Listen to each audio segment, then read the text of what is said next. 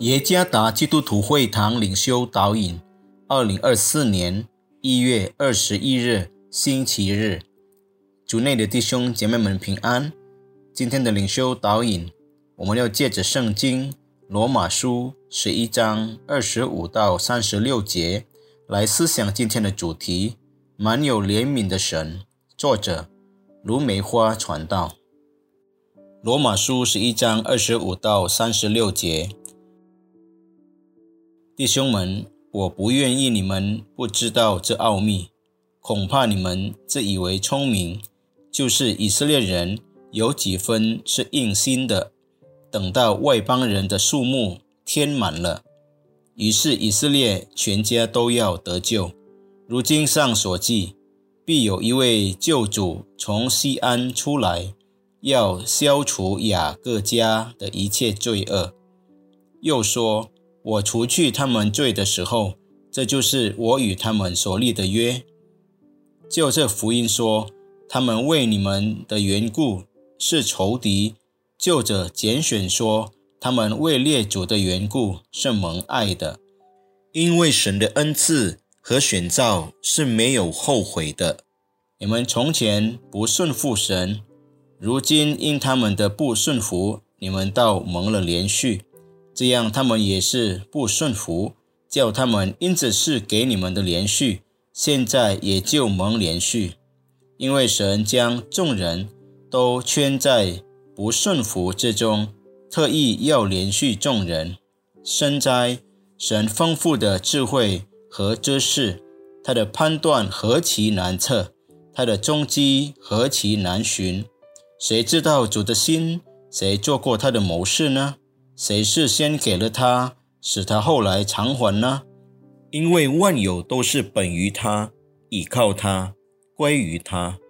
愿荣耀归给他，直到永远。阿门。一个名叫阿龙的男子一边走路一边看手机，他前面有一口深井，他不小心摔倒了，并掉进井里。他大声呼救，拼命。挣扎，想要从井里出来，但阿龙的一切努力都白费了。有人因听到了阿龙的尖叫声就靠近，但他只说：“加油，阿龙，你行的，继续努力，不要放弃。”阿龙竭尽全力，不断尝试。他不想在井里窒息，但他的努力是徒劳的，他已无能为力。突然，阿龙。先生走过来，对阿龙说：“阿龙，我来帮你。”阿龙迅速放下绳子，喊道：“快点，抓住绳子，我把你拉上来。”阿龙立刻抓紧绳子，终于爬了上去，得救了。人的生命也是如此，就像掉进深井的阿龙，无法自救。如果上帝没有仁慈的，亲自来到这世界拯救我们，没有人能够得救。他离开荣耀的宝座，从天降到地上，就是为了拯救人类。信他的就必定得救，不信他就必定灭亡。神在道成肉身的主耶稣里，表明了自己是一位充满慈爱的神。他来世为了拯救。正在走向永恒死亡的人类，尽管以色列人拒绝了他，神还是为所有有罪的人而来。感谢神以人的身份来到世上，拯救人类免遭毁灭。他让我们的心不停的感恩，感谢他的怜悯。人生旅程上，我们再也没有什么可害怕的了。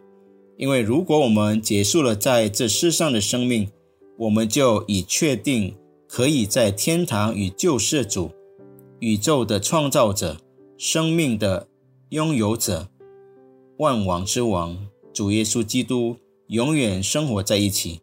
因此，让我们永远心怀感恩，透过荣耀神来充实我们在世上短暂的生命，充分发挥。上帝赋予我们的恩赐来服侍他，作为对上帝怜悯的感恩之情，成为我们家庭和工作场所的祝福。阿门。只因神的怜悯，他才来拯救有罪的人。愿上帝赐福弟兄姐妹们。